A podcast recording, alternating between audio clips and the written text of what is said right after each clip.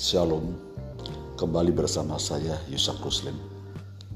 Marilah kita bersama terus membangun pertumbuhan rohani dengan mengembangkan kepedulian terhadap jiwa-jiwa. Pesan hari ini masih dalam fokus menjadi terang untuk memberi dampak. Pasca diumumkannya dua WNI yang diduga terkena virus corona telah menimbulkan berbagai berita dan sikap yang memperlihatkan rasa panik, kekhawatiran, bahkan ketakutan di tengah masyarakat. Ditambah lagi adanya berita-berita hoax dari orang-orang yang tak bertanggung jawab di beberapa media.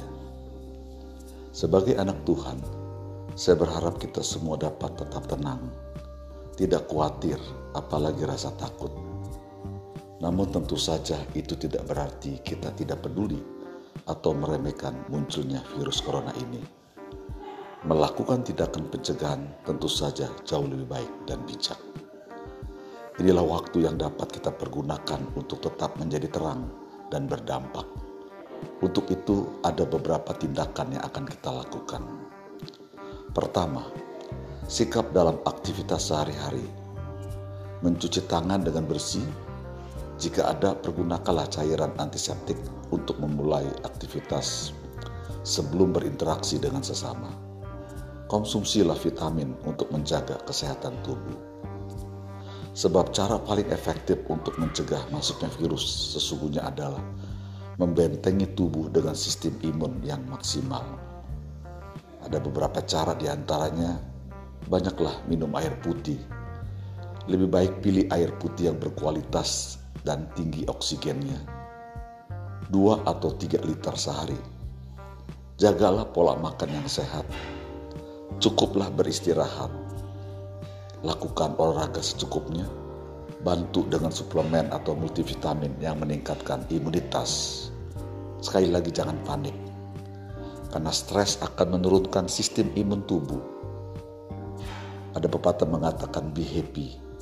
Banyaklah bersyukur dan berpikirlah positif pada waktu kita dipenuhi dengan pikiran dan perasaan positif, tubuh akan mengeluarkan hormon endorfin. Hormon inilah yang bisa memperkuat daya tahan tubuh dan meningkatkan stamina. Dan hindarilah tempat-tempat keramaian kalau memang tidak diperlukan. Saudara, lakukan yang kita bisa lakukan. Sisanya serahkan sama Tuhan. Kedua, sikap dalam menghadiri ibadah di gereja. Ibadah dan aktivitas tetap berjalan seperti biasa.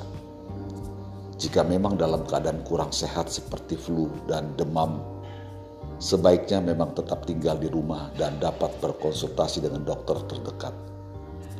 Sebelum bersalaman, silakan mencuci tangan dengan cairan antiseptik yang telah disediakan saat memasuki gedung gereja jika ada jemaat yang karena satu dan lain hal tidak ingin bersalaman, diharapkan tidak ada jemaat yang tersinggung.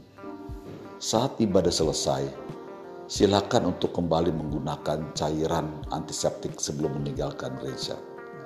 Pada akhirnya, marilah kita berdoa untuk dunia dan Indonesia khususnya, supaya semua kita dapat melewati keadaan ini. Tetaplah berpikir positif dengan menjaga percakapan yang positif baik secara lisan atau melalui media WhatsApp dan sejenisnya. Gunakan waktu untuk dapat menolong sesama yang membutuhkan bantuan kita. Jangan menggunakan kesempatan di tengah keadaan ini untuk mencari keuntungan pribadi. 1 Tesalonika 5 ayat 16-18 berkata, Bersukacitalah senantiasa, tetaplah berdoa, mengucap syukurlah dalam segala hal, Sebab itulah yang dikendaki Allah di dalam Kristus Yesus bagi kamu.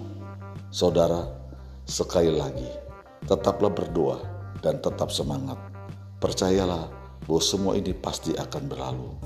Tuhan Yesus memberkati. Sampai jumpa dalam episode berikutnya. Amin.